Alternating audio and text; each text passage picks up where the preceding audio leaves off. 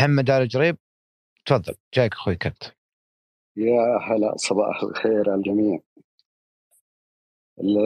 أهلا حبيبنا الغالي صباح النور. يا هلا يا سعد. جملت صباحنا بفلسفة الحزن. إي جاي بدري اليوم أنت. إي. إيه ممتاز. إي كويس. رغم إنه ما أرسل لي رابط المساحة. كويس. بس زين مسجل اليوم. زين. على طاري اليأس تذكرت مقولة لأحد الفلاسفة يقول لا تيأس فإذا غلبك الياس فأمضي في طريقك حتى وأنت يأس. يعني يجب على الإنسان ألا يصل إلى اليأس مطلقا. لا يا أبا سعد أنا أكره الحزن والجميع يكره الحزن ولكني بكل صراحة أحببت فلسفتك حول فلسفة الحزن حبا جما هذا الصباح. يعني كأنني وقعت في آه، حالة غرام مع الحزن. آه، عندي سؤال. هل نستطيع هل نستطيع عقلنة المفاهيم؟ نعم. هل نستطيع ماذا؟ عقلنة المفاهيم نعم هي عقلية أصلا. طيب. يعني بما أن الحزن يعني يبدأ يبدأ بالمكبوت ثم آه، بعد المكبوت قد يتحول إلى إلى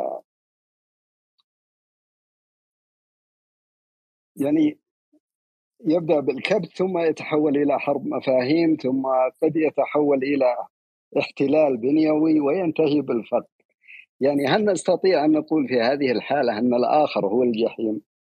فأنت يعني لا تستطيع أن تتعايش معه ولا تستطيع أن تعيش بدونه. نعم صحيح. هذا قول سارتر صحيح. طيب جميل.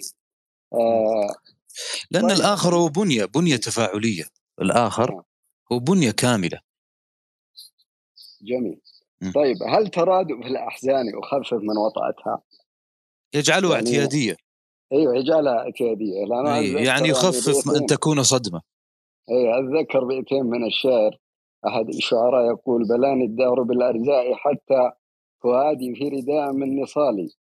فصرت إذا أصابتني سهام تكسرت النصال على النصال. يعني وكأنها خلاص لا تحدث ألما مع مرور الأيام.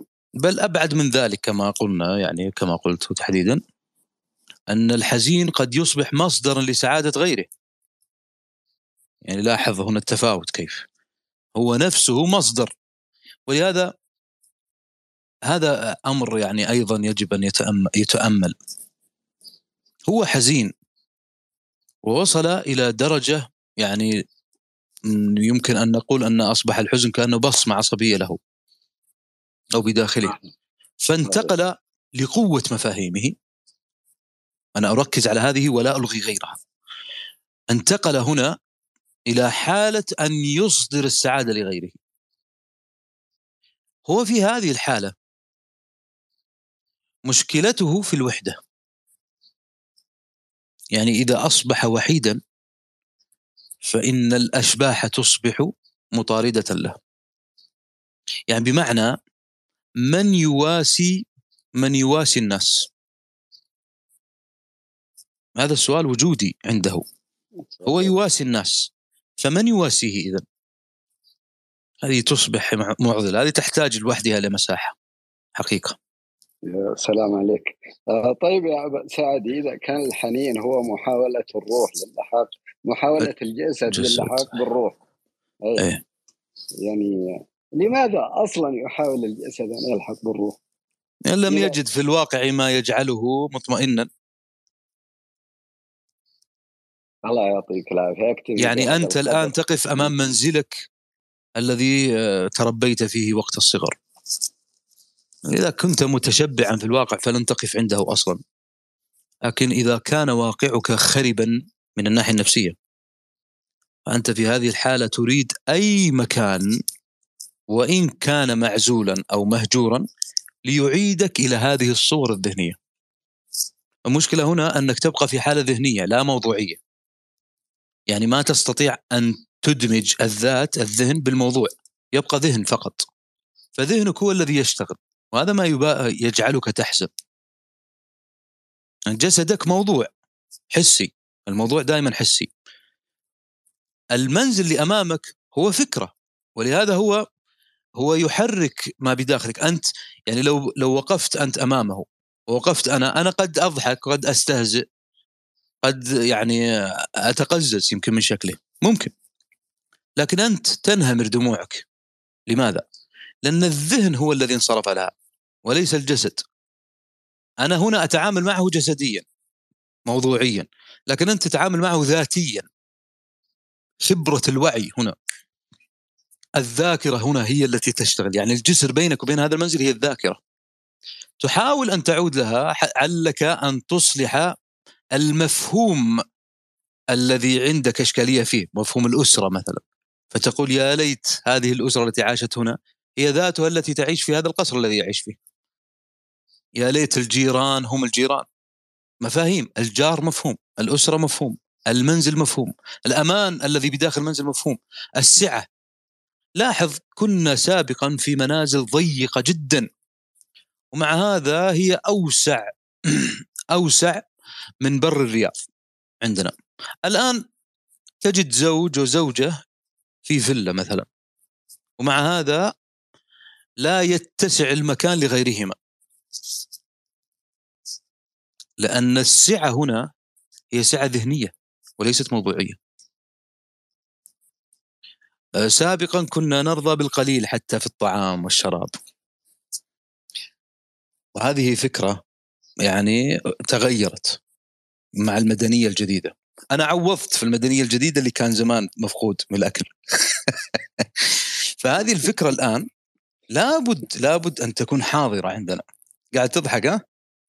قاعد أتكلم عن حزن. أضحك من الحزن طيب جيد جيد إني ضحكتك. طيب ذكرت يا سعد خلال إيه؟ دروس أفلاطون. إيه؟ يعني أشار إلى الدين يعني كمهدئ نعم. من الم إيه؟ الفقد نعم صحيح. ماذا باعتباره مفهوما. أفلاطون بالضبط يعني في هذا؟ باعتباره مفهوما مثاليا. مفهوم مثالي يعني ينقلك إلى العالم المثالي. أنت عندما آه تتذكر الله أنا لا أقصد أن الله آه لا يستحضر دائما لكن عندما تناجي الله لنقل. فأنت في هذه الحالة تنتقل إلى عالم ميتافيزيقي عالم غيبي. أنت لا ترى الله. لكنك تستدل على الله بما في بما في داخلك. فهذا اتصال بينك وبين الله. يجدر بك أن يكون هذا الاتصال هو أفضل طريقة للتواصل مع غيرك. ولهذا أنت لا تكون صادقا إلا مع الله. بيقين. مع الآخر الصدق معه ظني. حسب الموقف. الاتصال هنا مع الله هو اتصال مثالي. هو محاولة منك للانتقال إلى العالم المثالي والخروج من العالم الواقعي الذي كبلك. وكأنك تناجي الله وت... وتأمل من خلال هذه المناجاة أن يحررك الله من هذه القيود التي كلفت بها. كأنك أرهقت من هذا العالم الواقعي وتريد من خلال هذا الاتصال بينك وبين الله أن تعود لعالم المثل التي تمثل نفسك الحقيقيه. حقيقة موضوع المناجاة هذا موضوع يعني يعني جدير بالتوقف أيضا. طيب. شكرا لك أبو سعد. شكرا لك يا أبو علي. سعد ولك الشكر يا حبيبنا. شكرا لك. شكرا لكم. أهلا وسهلا فيكم جميعا أخوان. أخوات أخوي كنت أهلا وسهلا فيك آسف جدا اللي طالع تفضل يا عزيز السلام عليكم ورحمة الله وبركاته. وعليكم السلام ورحمة الله وبركاته. صباحك يا أبو مريم والشريكين وأشكر أستاذي الأستاذ طارق حقيقة يعني أنا أعتبرها مساحة جدا قيمة ومفيدة وثرية. استوقفني حقيقة بعض العبارات اللي أنا ودي بس أستفسر من الأستاذ فيها. لما اولا إن الحزن مثلا الفقد نتج منه الحزن. من الفقد الفقد مجموعة مفاهيم أنا سؤالي حول هذه المفاهيم بعض هذه المفاهيم هل هي إجبارية أو اختيارية؟ هنا النقطة التي أريد أن أتحدث عنها. لما تكون إجبارية آه، تو الأخ الكريم الأستاذ صالح فتاه أنه الركن هذا تستطيع أن تبني بدالة إذا انهد تبنى بناء جديد. سؤالي أن بعض هذه المفاهيم لا تعوض مثل العاشق في آه، فقه اللغة للثعالبي رتب مراتب الحب حتى وصل إلى من الهوى إلى الهيام والهيام حتى هم في الشوارع ويضيع فيه النقاة والأطباء. فالعاشق إذا فقد المعشوق لا يمكن أن يعوضه. لكن أستطيع أنا من خلال هذه سؤالي حول هذا الموضوع كيف نتغلب على وضع هذه المفاهيم في أطر حقيقية في هل هي من العقل الواعي أو اللاواعي ومعالجتها؟ هذا الذي يهمني كيف كيف يستطيع أن يتخلص منها بشكل أفضل. يعني ما أنا ودي هذا سؤالي وأسف على الإطالة وأتمنى حبيبنا. تفضل. يعني كأنك تقول كيف نكون جهازنا المفاهيمي. هذا هذا نعم هذا ما قصدت. يعني جيد. أن لا هو هي نقطة مهمة. أن قصدي أنت قلت الأمان والأمان ممكن اجده في في أشياء كثيرة. لا العشق لا. العشق أنا أتصور أنه لا بديل له. يعني في أشياء أحيانا أنت بعض المفاهيم لا تستطيع أن تت... أن يعني ان أن تأتي ببديل لها. يعني أنت قلت تو بناء من جديد. في بعض المفاهيم لا يمكن أن أبنيها لكن ممكن أن أعوض عنها بغيرها. وهذا نعم. الذي أتحدث عنه كيف يتم ذلك؟ وأشكرك أستاذ. أهلا بك يا حبيبنا. لاحظ أن مفهوم العشق هنا نحن سنخرج كما قلنا مرارا. أن أن تصبح المسألة وكأنها تحتاج علاجا. يعني بعضهم كالذي ذكرهم سواء الثعالبي أو غيره. هؤلاء هو لم يقل هذا لكنني أقول نيابة عنه لأنني قرأت كتابه وتعلمت علوم العصر. فهؤلاء مجموعة منهم يحتاجون إلى علاج عيادي يعني. فهذه ليست آه ليس بابي هذا.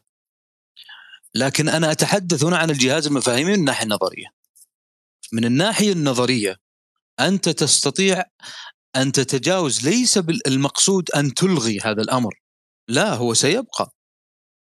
لكن النسبة ستختلف. يعني بدلا من أن تكون 80 فتصبح 20 يعني المهم أن لا تصل إلى تعطيل الحياة. الحياة ستم ستمضي. يعني فلان الذي فقد مثلا آه مثلا آه محبوبته أو والده أو غير ذلك. ما أستطيع أن أقول أن هناك بدائل لهذا لكن القضية هنا أني أحاول أن أوجد له مفهوما أو مفاهيما جهاز مفاهيم يستطيع من خلاله أن يتعايش في هذه الحياة أن يخفف نسبة آه، توقفه عن أداء حياته. هذا هو المقصود.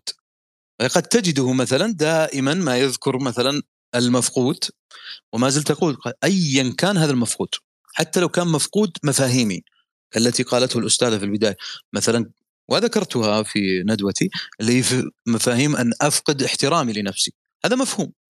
أنا فقدته الآن. أنا أستطيع أن أكونه. ما لم أصل إلى حالة قد تكون مستعصية على مسألة التنظير. هنا أستطيع هنا لابد من علاج. سواء كان سلوكي أو كان طبي. هذه لها لها أهلها يعني. لكن كيف أكون الجهاز المفاهيمي؟ أنا ودي أتذكر هل الحلقات يا أبو مريم موجودة في في القناة؟ موجودة موجودة. موجودة لأني أنا تحدثت عنها والله يا حبيبنا كنت في يمكن ست ساعات. موجودة وأنا تابعتك الحين في اليوتيوب بس أتمنى يعني بشوفها إن شاء الله لأني رجعت في اليوتيوب تو وتابعتك واشتركت معك في القناة. بس أبغى أنا أنا كانت سؤالي لاحظت في في المجتمع عندنا إيه؟ في ظاهرة غريبة يعني أنا أشوف زوج يموت على طول الزوجة بعد شهر شهرين تموت بعدها. خاصة اللي يكون بينهم حب وعشق. ونفس إيه؟ الشيء الزوج يعني أنا لاحظت إيه؟ هذه في المجتمع عندنا. القضية إنه يمكن إنهم نتيجة العشق هذا يكون الاسى والحزن بايت جوا ما إيه. استطاعوا يجيبون بدائل. صح ممكن. آه هذه يعني هل القريبين منهم ممكن يعطونهم بدائل أو يعني مع العشق مشكلته في البدائل. أتصور إن البدائل غير متاحة. يعني ممكن يبدو الامان يبدو أننا سنعود إلى أبي تمام. عندما يقول نقل فؤادك حيث شئت من الهوى ما الحب إلا للحبيب الأولي هنا ممكن أن أن يحب مثلا أنا أحببت فلانة. مثلا. أحاول أن أعوض أن فلانة هذه لم تعد محبوبتي. أنت يعني ينتفت الآن مسألة المحبوبة أو هذه الفكرة تحديدا. فسأحاول أن أحب فلانة الأخرى. أنا حبيت فلانة الثانية لأن ضحكتها مثل ضحكة الأولى. حبيت فلانة الثالثة لأن مشيتها مثل مشيت الأولى. حبيت فلانة الثالثة لأن ضحكتها مثل ضحكة الأولى. فكأن العشرة هذول هم عبارة عن ماذا؟ إسقاط نفسي للأولى. هم توابع للأولى. وكذلك عند المرأة. فالفكرة هذه قد تكون صحيحة من هذا الجانب. ولكن في ظني في ظني أنها حالة مرضية وليست فكرية. وهذه كما قلت لها اهلها اخصائي يعني نفسي على الأقل هو الذي يتحدث عنها ليس المقصود أن يذهب إلى العيادة لكن على الأقل هو الذي سيجيب بطريقة فنية لا بطريقة فلسفية. لكن حديثنا هنا عن ما زالت الر... عن ما زالت عن من ما زالت الروح سارية فيه ومن الممكن آه أن أن يستمر. يعني هو ما زال في عالم الفكر لم ينتقل إلى عالم لنقل ال ال ال ال ما ما أريد أن أقول مرض العرض خلينا نقول تخفيفا لها. فمن ناحية المفاهيم هو كما قلت لك هو يحتاج إلى هذه السلسلة الطويلة التي لعلي ذكرتها أيضا قبل قليل بإيجاز يحتاج لها. أن تغير مفهوما واحدا هذه تحتاج إلى عمل. ليست هكذا سريعة. ولهذا أنا علقت قبل قليل على مفهوم اترك القهوة حتى توفر قيمتها. هذا من الأخطاء الإدراكية اللغوية الدارجة. لماذا؟ لأن هذه الفكرة هي فكرة كما قلت اقتصادية فكرة ممكن تكون اجتماعية اني اقابل الناس بالكافي فكرة نفسية اني أروح عن نفسي. ليست الفكرة اقتصادية فقط. لابد أن اعدل هذه كلها. فكرة مثلا فلان صديق. الصديق نفسه لكن جاءني طعنة من صديقي. وهذه تحصل. المشكلة الآن ما آتي وأقول سأتجاوز فلان هو فلان هذا محمل بالمفاهيم. فيجب أن أعيد النظر مرة أخرى في مفهوم الصداقة من هو الصديق؟ وهنا سأدخل إلى مفهوم آخر وهو الثقة لأن الصديق يجب حتى يصبح صديقا يجب أن أثق فيه. هنا سأغير مفهوم الأمان النفسي هنا هنا سأغير مفهوم التوكل أو الاتكال. فهي عدة مفاهيم لكنها موجودة تحت إطار واحد وهو الصديق. يعني كأن كلمة الصديق عنوان كتاب. لكن في فصول ومباحث داخل هذا الكتاب لازم إني أغيرها حتى تتسق مع هذا العنوان. فهو يحتاج إلى يعني بالعامية يحتاج إلى شغل. وهذه تحتاج أن يلتفت الإنسان إلى نفسه. بإمكاني أستاذي اذا هل بإمكان المرء أن يقلل من تحديد المفاهيم بالنسبة له ويحاول أن أن يبني قوته من ذاته؟ ممتاز أن تزيد المفاهيم. هذه ظاهرة صحية أصلا. لكن أنت من يصنعها. بالاتفاق مع المعهود الذهني أو الوعي الجمعي. ان الوعي الجمعي ليس هكذا يعني مثل ما يشاع عند البعض في في تويتر مثلا بما أنه في تويتر. احتزل ما يذيع هكذا بكل سهولة. ليست القضية يعني آه، نزهة. أعتذر منها الليلة ليست هكذا القضية. أنا لا يمكن أن أكون بدون الآخر. هذا هم أنفسهم لو قلت اخرجوا من تويتر يوم واحد ما قدر. الآخر بالنسبة لي لازم من لوازم وجودي. فالفكرة هنا ليست بهذه السهولة التي يظنها البعض وليست بالصعوبة. ولهذا حتى في الدين كما قلت لك لا يكلف الله نفسا وسعها. لن يكلفك الله أمر من الأمور. مهما كان عسيرا عليك إلا ولديك القدرة على تجاوزه. ثق تماما بهذا الأمر. أنا ذك... تفضل سعد. أنا ذك... أنا أنا ذكرتها دينيا وفلسفيا واجتماعيا وبكل هذه المفاهيم التي تنتمي إلى الفلسفة والنقد. وكلها كما أشرت يعني في الحديث اليوم تشير إلى هذا المفهوم. لن تكلف إلا بما تستطيع عليه. عندك قدرات تستطيع من خلالها أن تتجاوزها. لكن مهمتك الكبرى هي إيجاد هذه الوسائل. وهذا هو بحثك الحقيقي. لهذا قلت قد لا يكون قد لا تصل إلى السعادة. لكن رزقك من السعادة هو محاولة الوصول. هذه هذه المحاولة هي السعادة. مثل تماما لو أنت على سبيل المثال بالعامية اعذروني ودك تطلع كشتة. يمكن تكون أو بتسافر مثلا. يمكن تكون السفرية جمالها في الطريق. وفي المقالب اللي في الطريق والبنشرنا في الطريق وانقطع علينا. يمكن هذه وناسة السفر. يمكن لو رحنا وصلنا ما عجبنا هذا الشيء. أقول لك شيء طريف صار لناس أعرفهم. آه كانوا بيسافرون. وما أعرف أنا ذكرتها قبل كذا ولا لا.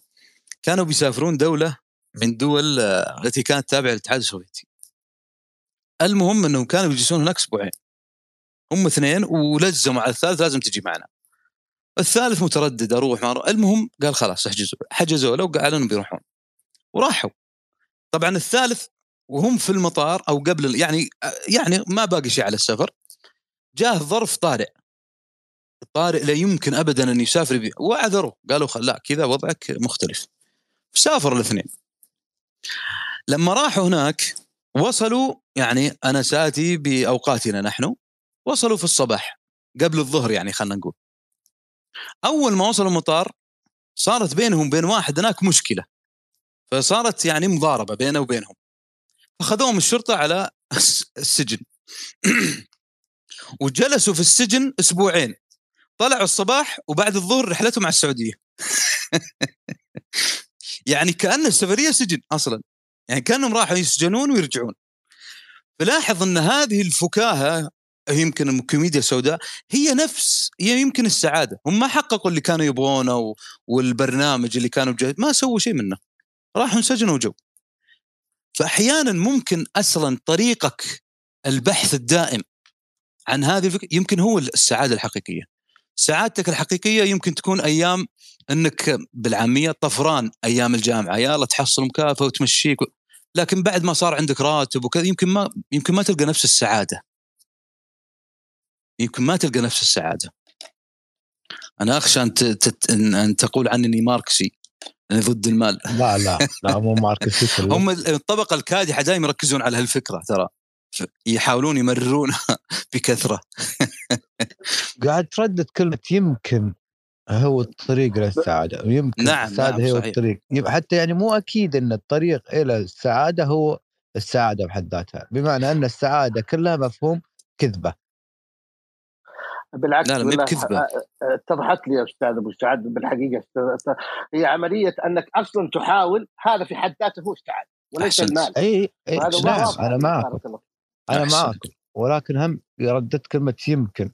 هو أصل المحاولة هو السعادة. يمكن السعادة تقول يمكن السعادة وتردد كلمة يمكن كثير. صح أبو سعد أنا أقول يمكن يكون هذا رزقك ورزق غيرك لا إنه وصل. يعني أقصد إنه إني أعطي حالات. قد يكون أنت أها. رزقك إنك في- في سعيك للسعادة. وقد يكون رزقك لا إنه يكون في إنك وصلت فعلا. فهي تختلف. شكرا أبو سعد شكرا أخوي كانت. ما أدري ليش أنا أنا عندي تحفظ على كلمة السعادة. أشكركم جدا وأشكر أستاذي وبارك الله فيكم جميعا وأكثر أهلا. تشرفت بك ومنك نتعلم يا حبيبنا. أهلا أخوي كانت. طيب أخوي إنسان أهلا وسهلا فيك. اسمحوا لي الإخوان ما أقدر أعطي مايك فعليا لأن الوقت داهمنا وأخذنا أكثر من الوقت. صباح النور أهلا يا إنسان. الجميع أهلا صباح النور يا أبو سعد صباح الخير يا حبيبي. هلا صباح الخير يا حبيبي. على تذييلك الأخير في نقاشاتك أو شرحك للإخوان. جدا ناسبني وأحب أعرض عليك شيء يعني من خلال مفهومي الأخير. أصبحت دندن به يعني وهرطق به على الناس اللي اللي في قضيه الحزن هذه. بس نعم. قبل ما أدخل في الموضوع أرى أنك تحب المتنبي كثير تستشهد به دائما أي من الذي لا يحبه؟ رعاة الصحراء وملوك ال ال ال الأوطان كلهم يحبونه. أكيد. أنا تعرف قصيدته وأحرق الباب يعني مشهورة. نعم. يعني نعم. يعني يعني إطارها كلها حزن صحيح ألم. ولكنه يعني الآن كأنه موجود معنا في المساحة وكأنه يعني كأنها فلسفة حزن. يعني حل مشكلته من ذاته. يعني طرح القضية تكلم فيها ذكر أسبابها عالجها وادى بخصومه ومشى. استفاد. يعني من ضمن البيت اللي كان يقول فيه لما ذكر يعني أعيدها نظرات منك صادقة أن تحس أن تحسب اللحم في من لحم هو رمو ذكر مشكلته وحزنه واشتكى. بعدين قال فيك الخصام وأنت الكذا. بعدين في آخر شيء وش قال؟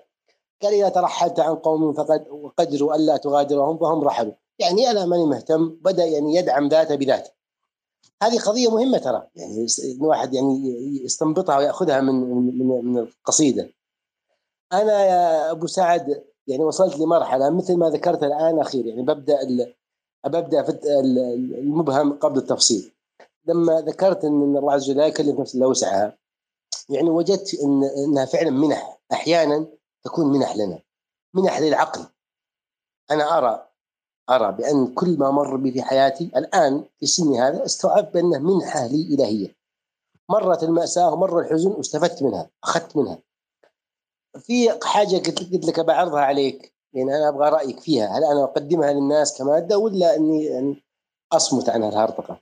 باخذ رأيك فيها. لما أتكلم عن حزن وأجلس مع بعض الشباب والناس أتكلم يعني بطريقة عفوية يعني ما هي فلسفة بقدر ما هي رأي شخصي. أقول لهم هي دائرة. أنت دخلت في الدائرة هذه لا لا لا تجبر نفسك على الخروج لا تجبر نفسك على الاستجداء. لا يا أخي عيشها. اعتبر نفسك في إجازة. أنت الآن وقعت في المحنة ولا استشعرها تشربها بهدوء. أعطي الوقت الكافي في حزنك لا, لا يطالبك أحد بالخروج. لا انتظر. ابقى. ولكن الفترة هذه أيضا يجب أن تحدث ذاتك فيها. اسأل نفسك. بالاستيعاب طبعا. أنا أقصد بالاستيعاب. وهذا الأهم. إذا إذا كانت الروح فقط هي الموجودة معك فانت حتكون في بؤس مثل ما تفضلت. يعني بعض الفقراء نرى في نراهم مصدر للسعادة لأنه ما دخل في مرحلة البؤس. ولكن عندما ييأس ويدخل في البؤس يصبح تعيس سواء كان غني أو فقير. أنا أقصد بأن العقل لازم يكون موجود بالاستيعاب. حزنك تعيشه تأخذ الوقت الكافي منه. ولكن أيضا معك فرصة بأنك تسمع نفسك. ليش؟ متى؟ لماذا؟ كيف وقعت في هذا الحزن؟ أنا أتكلم عن الاشياء المواقف ما أدخل في الابتلاءات هنا ممكن تخرج أنت بفائدة كبيرة يعني. ممكن ممكن تتشرب الحزن في أقل. يعني آه، من وقت قد يأخذ منك أشهر ممكن تاخذه في أسابيع. ممكن أحيانا تستدرك نفسك تقول لا هذا ما هو حزن أنا غلطان أنا مستوعب غلط أنا فاهم غلط ما كان الموقف كذا. أحيانا الجلوس مع النفس حتى وأنت حزين أحيانا تخرج بفائدة. أنا كذا فهمت من كلامك الأخير التذييل الأخير. آه في يعني لما سألت لما كان التساؤل أقول لماذا كيف أين متى وإلى متى؟ طيب إلى متى؟ حتى أنت تعطي نفسك حدد لنفسك وقت متى متى متى أخرج من الدائره وش اللي حطلع أساسا؟ هل مثل ما يمكن تقول بالعقل الجمعي أقول كما يقولون أم إني أنا خرجت بشيء بفائدة؟ ليش وقعت في هالحاجة؟ ليش عشت فيها؟ كيف هي الآن أصبحت مؤثرة على على ذاتي بالطريقة هذه؟ ممكن تمنحني قوة بعدين؟ ممكن تمنحني استيعاب؟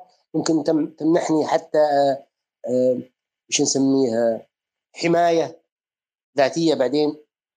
فيه فيه ال ال ال الاحتواء. الاحتواء يا أبو سعد أيضا دائما كنت أتكلم عنه وأقول أنا الآن قاعد يعني ابغاك تقيم كلامي هل هو صح أو غلط. الاحتواء كنت أقول أتركه آخر شيء لا تبحث عن استجلاء الناس. كثير من الناس كان تجد إذا حزن يبحث عن آخرين ويشتكي ومتكلم فأنا دائما أقول خلوها ال step الأخير. ابدأ مع نفسك جرب نفسك يا ابدأ يعني حكم عقلك استشعر عقلك. سوي test لعقليتك. هل أنا مستوعب اللي قاعد يصير أو أنا بس الآن وقعت فريسة الحزن وبس. بعضهم كان يقول لي أنت شوية يعني تف مع الكيسز هذه. أنا أقول لا أنا المفروض الإنسان يستفيد اولا. ما أعطي الملف كامل لشخص وأتركه يحكم فيه ويقرر ويعطيني التقرير. لا يا أخي أبحث ممكن تخرج أنت بحل وتنتهي. أما في الابتلاءات فهذا شيء آخر. نسأل الله السلامة والعافية. آه يعني الصبر والهدوء والتعايش وإنك تجعلها ذكرى جميلة آه مكان ما تجعلها شخوص في عقلك وبس لا اتركها مثل ما هي هي فعلا حزينة وفعلا تسبب ألم الفاقد الحب ال ال ال آه اترك الشخوص هذه وابقى مع الذكريات الجميلة. هذا رأيي لي. هل الكلمات هذه ممكن تكون مؤثرة إذا أنا طرحت على أحد؟ أو تقول لي والله أنا عارض أو أنا مخطئ؟ أبو سعد. جميل جدا ما قلته يا حبيبنا. حقيقة جميل جدا ما قلته.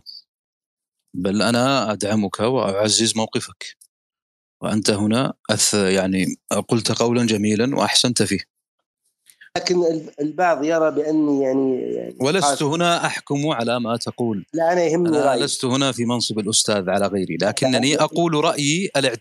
غالي علي لكني أنا أسأل عن قضية إني أكون قاسي على الحالات هذه. أحيانا نحتاج إلى القسوة حبا في غيرنا أو حبا في أنفسنا. لكن القسوة هذه أيضا لها حدودها التي لا تخفى على عاقل مثلك. وأيضا أن لا نصبح نتحدث آه، آه، بطريقة المقارنات. أحيانا المقارنات جيدة لكنها ليست دائما جيدة. آه، أيضا أن نبتعد عن القيم. مثلا إن كنت ستبقى حزينا فهذا سيضعف إيمانك. وأركز على هذه النقطة. هنا أنا لست مع هذه الفكرة حقيقة. أن النبي سماه عام الحزن وعام كامل هو نبي. فأنا لست مع هذه الفكرة. لكن لا بأس أن آخذ من هذه الحقول شذرات وأجمعها في مقال واحد. دون أن أركز على شيء منها. وأن أعزز بداخله بداخله أن بداخله أن بداخله أنه قادر على تجاوز هذه الإشكالية. ولكن هنا تعود ترى مثل هذه الأمور نصنفها على سبيل المثال أنها نصيحة أو استشارة أو سميها ما شئت، هذه تعود إلى الحكمة. هذه تعود إلى الحكمة، ليس كل أحد عنده المعلومة يستطيع أن يقولها بطريقة تناسب المقال المقام. فهنا يجب أيضا أن يتحرر الإنسان من أنويته التي تطغى عليه في كثير من الأحايين يقول أنني سأقول كذا وكذا ويستقيم الحال. لا. وأيضا لابد أن أعرف الطرف الآخر. وهل هو سيتقبل هذا مني أم لا؟ أحيانا قد تكون معالجة الآخر بأن يترك لوحده. بأن لا آه، نلتفت له. اتركوه لوحده حتى يستقيم حاله. فهي تعود إلى الشخص تعود إلى المتكلم تعود إلى المقام.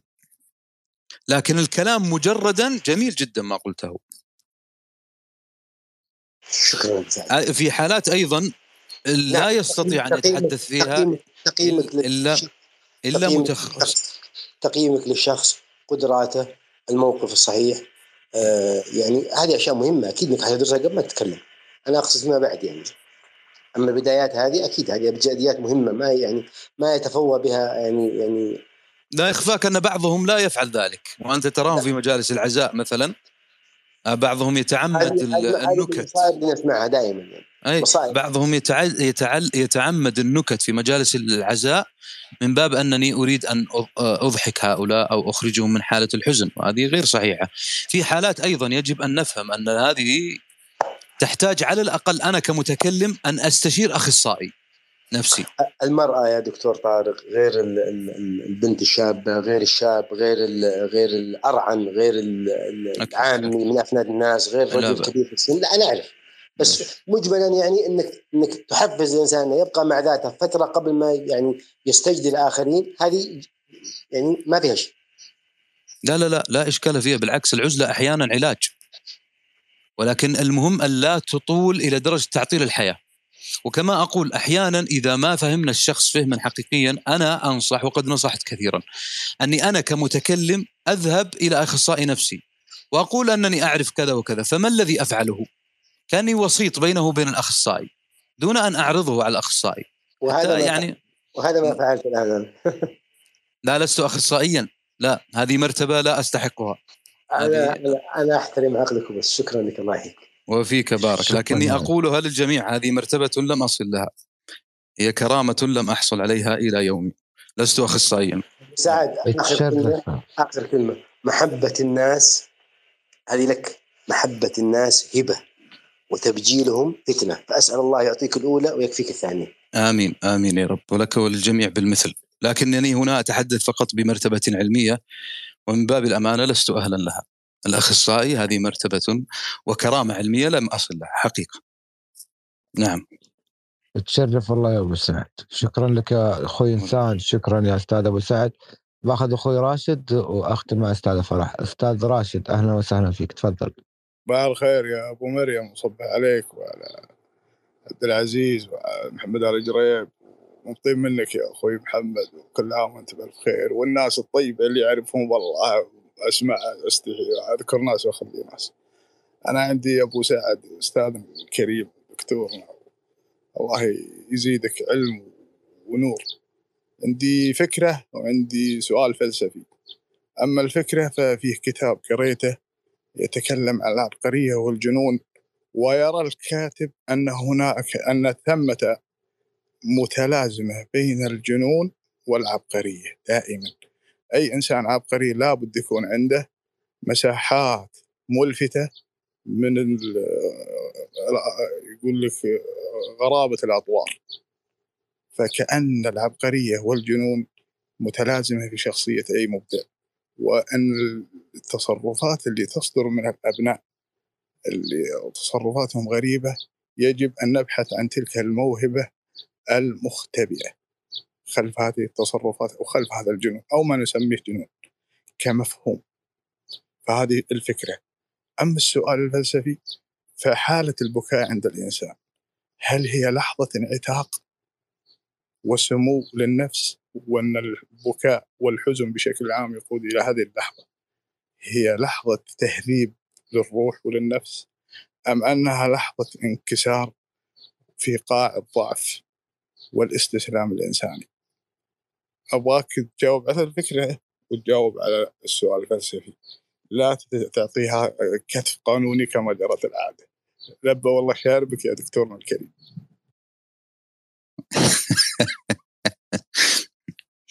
طيب أنت سألت الآن عن مسألة البكاء. فلسفيا أليس كذلك؟ اعطيت اعطيت أعطيتني كتف قانوني على طول. آه طيب الفكرة ها الفكرة العبقرية والجنون هناك من يرى م. أنها متلازمة متلازمة يعني ما في إنسان عبقري إلا عنده مساحات من الجنون هذه متلازمة وأن البعد العربي للكلمة خذ الحكمة من أفواه المجانين نقولها تندرا ولكن الفلسفة والفكر لها رؤية مختلفة. صحيح. عرفت يا أستاذنا دكتورنا هذه الفكرة. أما النظرة الفلسفية البكاء. ماذا يمثل بالنسبة للإنسان؟ طيب جميل. أما ما ذكرته في البداية عن مسألة العبقرية والجنون. الجنون هنا بمفهومه الفلسفي أي الخروج عن المعهود الذهني. وليس المقصود به طبعا ما هو شائع من أنه خلل في الدماغ. هذه حالة طبية. لكن في الفلسفة الخروج عن المعهود الذهني. هذا معناها ولعلك أيضا إن أردت التوسع فقد ناقش هذه الفكرة غير واحد لكن لعل من أبرزهم هو آه، فوكو. هذه الفكرة. فهل هي مترابطة ب بما قلت ان أنها نوع من الإبداع؟ نعم. ما هو الإبداع أيضا؟ الخروج عن المعهود الذهني. إذا قلت مبدع كأنك تقول مجنون. واذا قلت مجنون كأنك تقول مبدع. المبتدع من هو المبتدع؟ هو من ابتدع أي ابتكر ما ليس معهودا ذهنيا. هي نفس الفكرة. هذا في النقطة الأولى. عجبك ولا ولا ما عجبك؟ عجبني. النقطة الثانية؟ اللي هي البكاء أليس كذلك؟ نعم البكاء منظور فلسفي. نعم. هذه أيضا من من أبرز من تحدث عنها آه، آه، سارتر في نظريته آه، نظرية الانفعالات أو نظرية الانفعالات. والحقيقة أن الكتاب هو في أصله رد على فرويد أو لنقل عن الفرويدية بشكل عام. البكاء هو هروب من موقف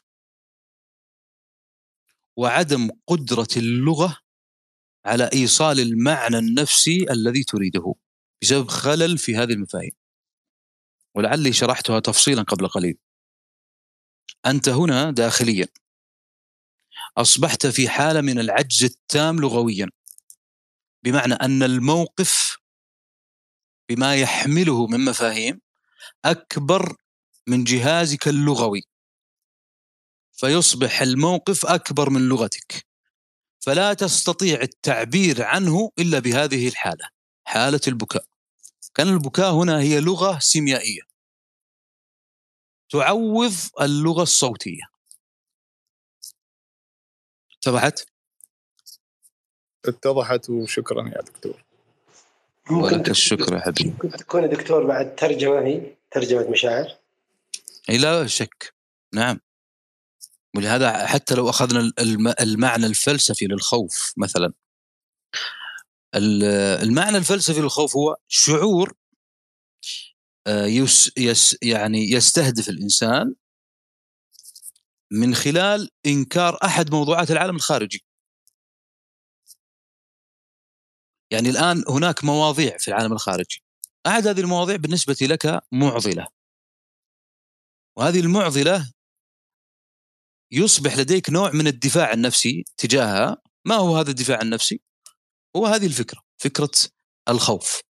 فالخوف هو انصراف إلى معهود ذهني عند الفرد من خلال موضوع خارجي.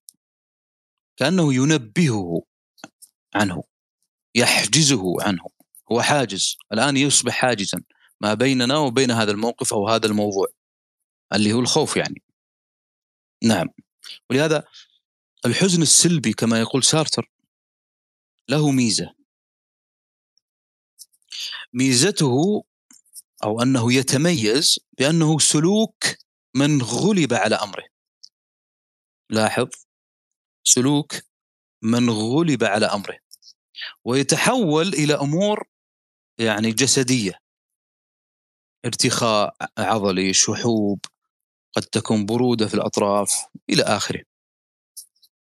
بهذه الحالة أنت تقلل من تعرضك بسبب هذا الحزن تقلل من تعرضك للعالم بقدر الإمكان. أنت مثلا تفضل الظلام على الضوء الصمت على الضجيج. العزلة في غرفة على هذه الجماهيرية أو المكان المزحوم. كل ذلك حتى تبقى وحيدا مع آلامك. هذه الآن فكرة. وهي فكرة دارجة. أنك تريد أن تختلي بهذه الآلام. لا تريد أحدا أن يشاركك فيها. ولكن هذه الفكرة أيضا هي عبارة عن أفكار تحوم على الإنسان داخليا لكنها تولد عنده كما قلنا إشكاليات من خلال الآخر. ولهذا أربط هذا الكلام بما قاله أيضا هو نفسه عن مسألة الحزن. لهذا هو من جميل ما كتبه أنه كان يف يعني يفرق ما بين آه، ما بين الحزن الإيجابي والحزن السلبي، الحزن الايجابي الحزن الإيجابي هو الذي يدفعك. الحزن السلبي هو الذي يعطلك. ومن الأمثلة الجيدة في هذا الموضوع هو مثال الفتاة. الفتاة التي تمرض آه، والدها. يعني مثلا رجل أصيب مثلا في ذراعه. إصابة قوية. وكأنه بدأ يدخله الشك أنه انشل تماما. قامت ابنته بعمل التمريض اللازم لحالته ومرافقة هذا الأب باستمرار. لكنها وبسبب الضغوط عليها في تمريضها وخوفها الشديد على والدها تعرضت لحالة من الانفعال المستمر. وتجد من كان خائفا على والده والدته تجد أنه دائما منفعل ويتصرف بطريقة قد تكون غير لائقة عند الآخرين. ولهذا من لا يفهم هذه الأمور قد يصل به إلى العدوانية مع هذا. يعني لا تخرج غضبك عليه هكذا يعني لا تسقط حالتك النفسية عليه وهكذا. هو هذا الانفعال سارتر عندما حللها قال إن سبب هذا الانفعال المستمر الذي شكله الخارجي هو ضغوطات هي في ثمة معنى وجودي آخر له. ما هو؟ وله علاقة بالوعي لأنه عندما درس هذه درسها ظاهراتيا يعني. قال في هذه الحالة كأن الانفعال يمثل هنا حالة سلوك الفشل. فهو يصبح سلوك الفشل هنا بديل عن سلوك التمريض الذي يستحيل الأخذ به. هو هي هنا هذا الانفعال هو بسبب الشعور الداخلي بأنني سأفشل في تمريضه ثم عودته إلى حياته الطبيعية. وبهذه الحالة يصبح عندي خوف داخلي من أن أفشل في مهمتي. فيفشل والدي الذي هو مصدر أماني وأيضا يعني قريبا مني يفشل في عودتي إلى حياتي الصحية. فيصبح عندي تأنيب ضمير أنني أنا السبب فيما كان عليه. فهذا الانفعال هو بسبب معنى عميق ليس بسبب توالي المهمات الحسية. ولتوالي المهمات الحسية هي من طبع الإنسان. الإنسان من طبعه أن يعمل باستمرار. لا بأس من توالي المهمات عليه. لكن هو هناك معنى خفي وهذا سلوك الفشل. أحيانا لا يمكن التعبير عنه إلا بالبكاء. فيصبح البكاء هو اللغة السيميائية التي من خلالها نعبر عن هذا السلوك الخفي. نعم. شكرا جزيل الشكر أستاذ طارق. ولك الشكر يا حبيبي. شكرا لك يا إنسان. نختم مع استاذه فرح. أهلا وسهلا فيكم جميعا. تفضل استاذه فرح. نعم. أهلا صباح الخير. آه، أول شيء يعطيكم العافية و... وأنا ودي أقول إن لازم ندعي دعوة إن الله يعني نستعيذ الله من الحزن أو أعوذ بالله من الحزن لأنه ثقيل على القلب والحديث عنه متعب. للأمانة أنا بتكلم عن فكرة يمكن يعني مختلفة تماما عن الحديث عن الحزن نفسه. هو هو عن الحزن بس بسقطه على الواقع من خلال وسائل التواصل الاجتماعي. أه لاحظت أن بعض وسائل التواصل الاجتماعي خلينا نقول أو بعض البرامج يفعلون خاصيات معينة أه أه تخلينا نتفاعل مع المشاعر بطريقة غريبة. يعني ما أدري إذا الأغلب أتوقع عنده مثلا سناب شات أو انستغرام راح تلاحظون انه في مثلا سناب شات في فلاتر. هذه الفلاتر اللي مثلا نضعها على وجهنا ويغير ملامح وجهنا مثلا حزن فرح يعني تتغير. المهم أنا استغربت الصراحة من أحد هذه الفلاتر. يعني ممكن إذا وضعته بوجهك يخلي وجهك حزين فعلا. يعني أنت راح تخاف أصلا فجأة راح تقول شلون أنا تغيرت في هذه الصورة؟ يعني أحيانا مثلا سماع أغنية يأثر علينا سماع أغنية حزينة يأثر علينا إن نصير حزينين أو مثلا رؤية شيء يأثر علينا بس ما يعني ما توقعت إنه اثر هذا الفلتر ممكن يأثر بهذه الطريقة إنه صدق يخليك انه كنا أنت فعلا إنسان عايش في حالة الحزن.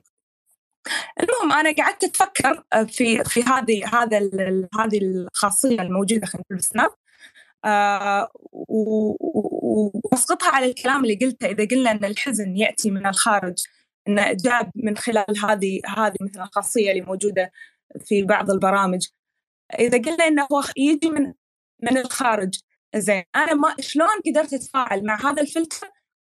و وهو فعليا يعني من داخل أنا تفاعلت معاه من داخل مو من خارج. هذه النقطة الأولى. آه، النقطة الثانية أنا أصلا آه، صار فيني إن هذا الفلتر من الممكن إن الممثل الممثل اللي يتعب في تقمص حالة الحزن بمجرد إنه يضع هذا الفلتر على وجهه سيشعر بالحزن وسيبكي بطريقة غير آه، يعني بطريقة مبهرة. فأنا عشان كذا أنا منصدمة من هذه الخاصية. فقلت حتى هني يمكن الفن يفقد أو الفنان يفقد آه، جزء من قدرته على تقمص شيء بسبب آه، يعني يعني خلينا نقول تطور آه، وسائل التواصل الاجتماعي أو تطور التقنيات. الحين سؤالي ذكرت من قبل شوي إن إن الحزن من يعني الحزن ينتمي للتداولية وليس البنيوية. إذا قلنا إذا على هذا المبدأ هل هل الخوف والحزن كبنية نفس الشيء ولا لا؟ أنا ليش أقول نفس الشيء؟ لأن آه إحنا لما نحزن قبل أن نحزن إحنا نخاف. فما أدري يعني ما أدري إذا واضحة الفكرة ولا لا فرح هلا آه أنت الحين تشربي شاي صح؟ فك إيه؟ المايك اي نعم طيب. اي تشربي بكوب ولا لا؟ اي بكوب الكوب هو الشاي ولا غير؟ الكوب لا غير طبعا هذا في المحسوس وهو الظاهر فكيف بالمفاهيم؟ الخوف شيء والحزن شيء لكنهما يلتقيان صباح؟ إيه نعم. لكنهما يلتقيان. كما قلت هي جهاز واحد لكنه مفاهيمي. الحزن شيء والح... وال... وال... والخوف شيء والقلق شيء واليأس شيء والبؤس شيء. كله مفاهيم مختلفة. وبين اختلافات بنيوية. يعني الحين هم غير عن بعض آه، فيعني هذا بنيوي وهذا تداولي عشان يعني لا لا لا لا, لا. غير ها. هذه آه، اتركي آه، مسألة مسألة يعني هي كلها لها بنية ولها تداول. لكن الفكرة الفكرة ما هي؟ الفكرة أن هذا مفهوم وهذا مفهوم. ليست شيئا واحد ليست مترادفات. لا مختلفة. فليست أوكي. شيئا واحدا. زين ليش شنو اللي يخلي الحزن تداولي؟ آه ينتمي للتداولي أنا هذا اللي ما فهمته. لأنه لا يمكن أن يستقيم إلا أي. بالفقد ولا يمكن أن يكون الفقد إلا لفقد آخر.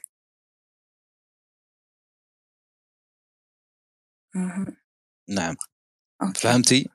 أنا إي فهمت بس إيه؟ أنا دائما وأيضا الخوف الخوف مثلا مثلا الغضب. الغضب مثلا. هنا أيضا مصطلح آخر مفهوم آخر. هو هروب من موقف معين. أنا أغضب حتى أهرب. مثلا الخوف مثلا كما قلنا قبل قليل هو شعور داخلي. هذا في أصله النفسي داخليا يعني. لكن من ماذا؟ من موضوع في العالم الخارجي. أنا أخاف من كذا. كذا هو عالم خارجي. والخوف هو شعور داخلي.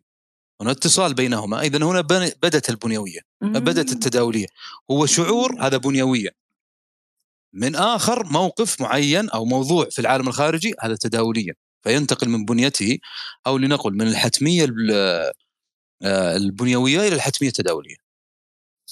أها أوكي أوكي. إيه أوكي.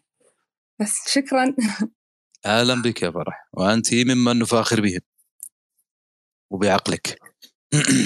شكرا أستاذ فرح شكرا لك أستاذ أبو ساعد أستاذ طارق واهلا وسهلا فيكم جميعا.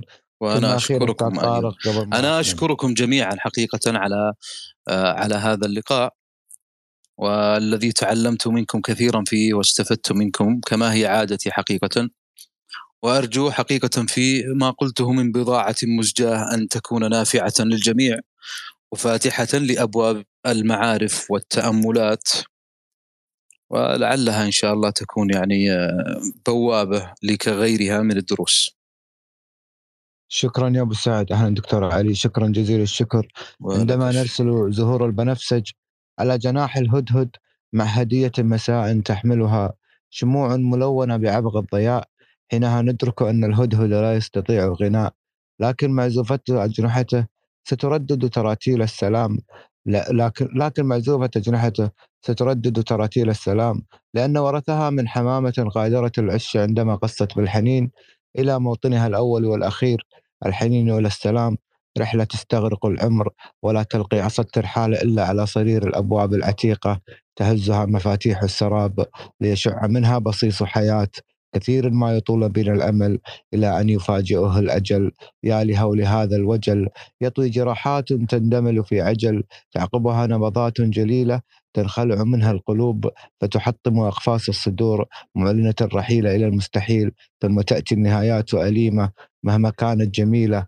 جمال النهاية لا يغفر لها ذنب الفراق وذنب النهاية الجميلة هو الفراق. الفراق الذي تتركه لنا ولا يستطيع غيرها. ملؤه كثير من البدايات نخافها تحسبا للنهايات. فنرحل لا رغبة لنا في الرحيل ولكن بحثا عن أنفسنا. نرحل عندما نشتاق لأنفسنا المغتربة بداخلنا بعدما أيقظها هذا المساء الفريد. فشكرا لضيفنا الأنيق الأستاذ طارق القرني أنيق الفكر جميل الروح فريد الحضور. وشكري شلال عذب ينهمر بطريقة لا متناهية لرواد مساحتنا أخواني وأخواتي المتميزين بجمال حضورهم وبهاء مشاركتكم. شكرا لكم ونلتقي بإذن الله على خير. شكرا يا أبو سعد. شكرا. في أمان الله. نلتقي على خير إن شاء الله.